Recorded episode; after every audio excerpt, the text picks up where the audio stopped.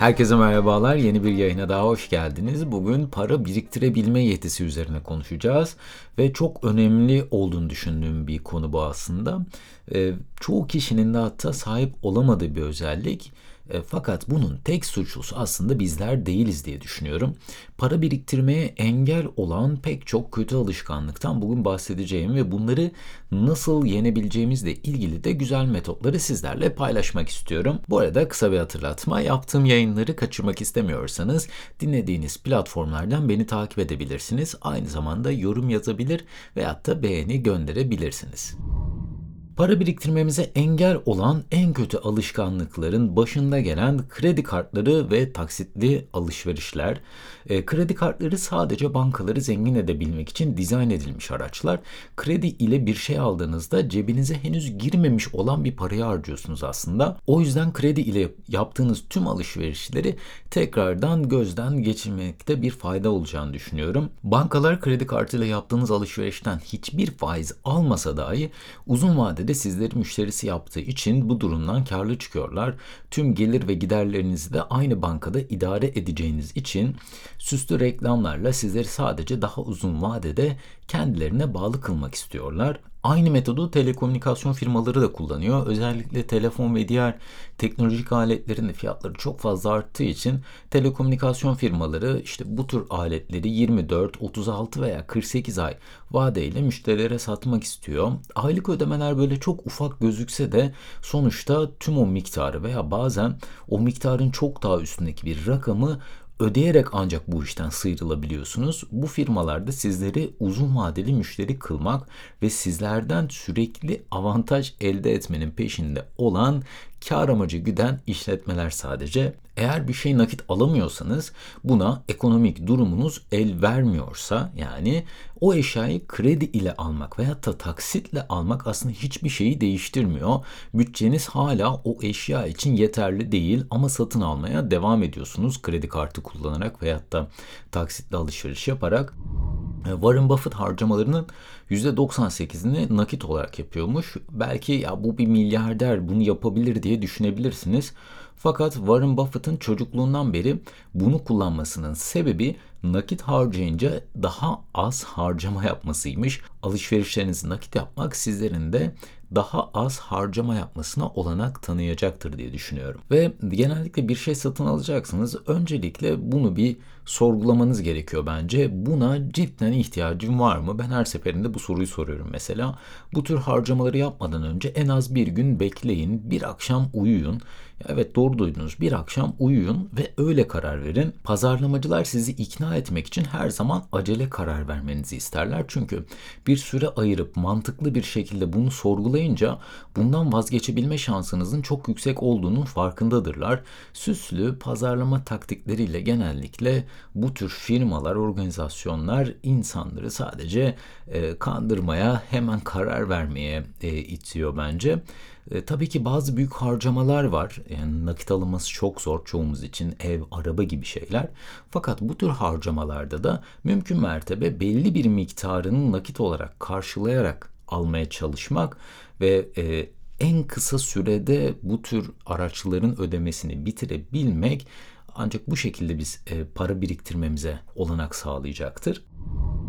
İkinci sıradaysa bize para biriktirmemize engel olan en büyük şey sıradan alışkanlık haline dönüşmüş olan gereksiz harcamalar var.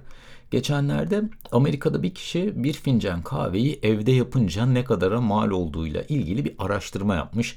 Evet ne kadar gereksiz şeylere insanlar vakit ayırıyor diyebilirsiniz. Fakat bu kişi bir süpermarkete gidip en büyük boy bir kahve alıyor. E, kahve makinesi alıyor ve kahve filtresi alıyor ve bunların hepsini e, toplamını bir şey e, bir kağıda not ediyor. Ardından bir yıl boyunca evde kahve yaparsa bir fincan kahvenin ortalama maliyetinin 30 sentten bile az olduğunu keşfediyor. Hatta bunu çok çok daha ileri boyuta götürüp işte böyle toptancıdan gidip en büyük boy artık çoğu markette bulamayacağınız derecede büyük boyunu alıp evde buna tabii kahve makinesinin fiyatını dahil etmeden yaptıklarında öyle de bir e, video vardı geçenlerde izlediğim. Sadece 3 sente denk geliyor ama E, hadi diyelim ki siz sadece gidip marketten yani mahallenizde yer alan bir marketten e, normal büyük boy bir tane kahve aldığınızda ortalama maliyeti 30 sentten daha azmış. E, fakat Amerika'da Starbucks'ta orta boy sadece sıcak bir bardak kahvenin içerisinde hiçbir şey yok. Sadece sıcak bir bardak orta boy kahve 3 dolar.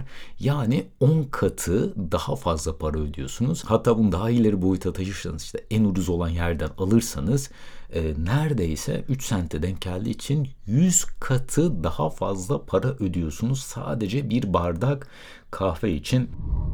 Eğer ki sürekli olarak dışarıda kahve içiyor veya yemek yiyorsanız bu tür harcamalar alışkanlık haline dönüştüyse aslında bunları tekrardan gözden geçirmekte fayda var. Tabii ki dışarıda yemek yemek, bir şeyler içmek, sosyalleşmek oldukça keyifli şeyler. Fakat bunları sürekli tekrarlıyorsanız bu, bu bir sorun haline gelebilir. Her sabah kahveyi dışarıda içmek mesela sizlerin para biriktirme şansını azaltan bir etken. Hatta bu parayla emeklilik fonlarına, işte bu birikim fonlarına uzun vadede yatırım yaptığında milyoner olan insanların hikayeleri var. Evet böyle insanlar var cidden 40 yıl e, kahve alacağı parayı sadece bir birikim fonuna koyup en sonunda 1 milyon dolar elde etmiş olan e, kişiler var. Eğer bu hikayenin de detayını okumak isterseniz linkini açıklamalar bölümüne bıraktım. Üçüncü sırada size sürekli maliyet çıkaran servis veya eşyaları tespit edebilmek. Fark ettiyseniz kullandığımız çoğu servis aylık abonelik yöntemiyle çalışıyor. Şu an telefonunuzda mesela aylık abonelik içeren kaç adet uygulama var?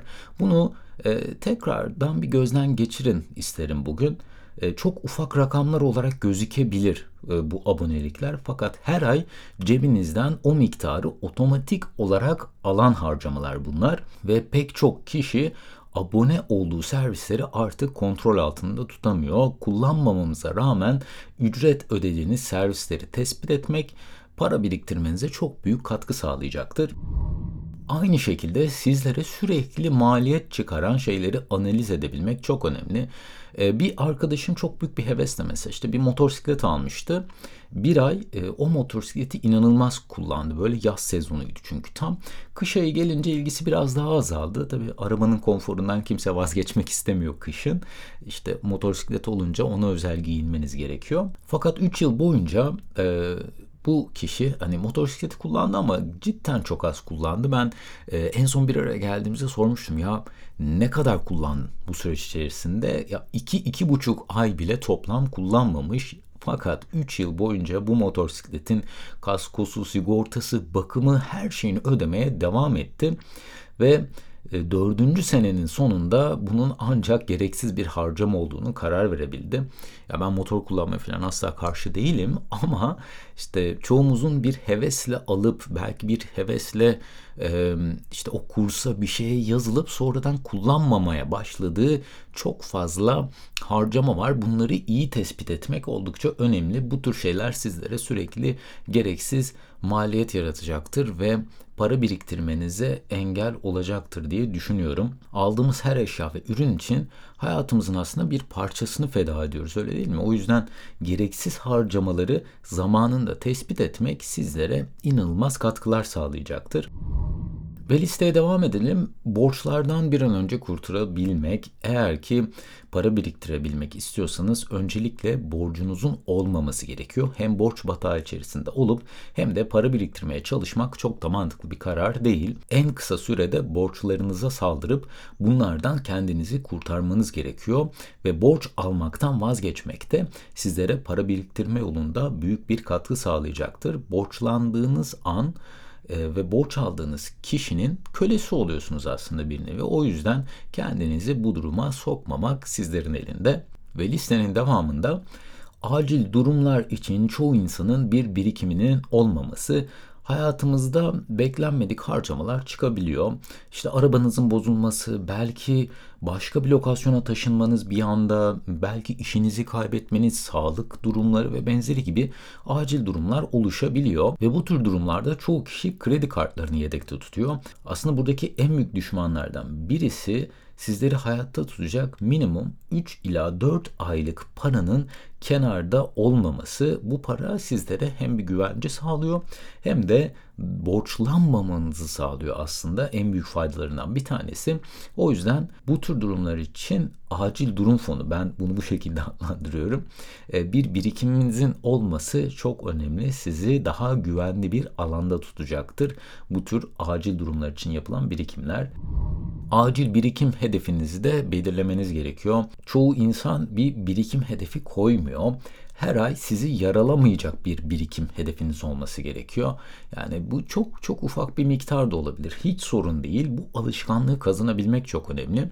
Özellikle otomatik olarak banka hesabınızdan birikim hesabınıza ödeme tanımlamak mesela buna çok büyük bir kolaylık sağlayacaktır. Fakat yeniden söylüyorum sizlerin temel harcamalarını kısmanıza veya da burada bir etki yaratmayacak bir miktarın kenara e, konulmasında çok büyük bir fayda var. Diğer türlü bu tür rakamlar yani çok büyük rakamları bir anda biriktirmeye başlamakta e, çok başarılı bir taktik değil ve bu tür birikimlerin uzun vadede sizlere fayda getireceğini unutmayın. Yani bu tarz birikimleri 4-5 ay sonra kullanmaya kalkarsanız büyük ihtimalle hayal kırıklığına uğrayacaksınız. Çünkü birikim yapabilmek uzun vadeli planlar kurmakla ancak mümkün olacaktır. Umarım para biriktirme yetisini kazanabilmek için bu metotları en kısa sürede hayata geçirmeyi başarabilirsiniz. Beni dinlediğiniz için çok teşekkür ediyorum. Başka yayınlarda görüşmek üzere. Kendinize çok iyi bakın. Hoşçakalın.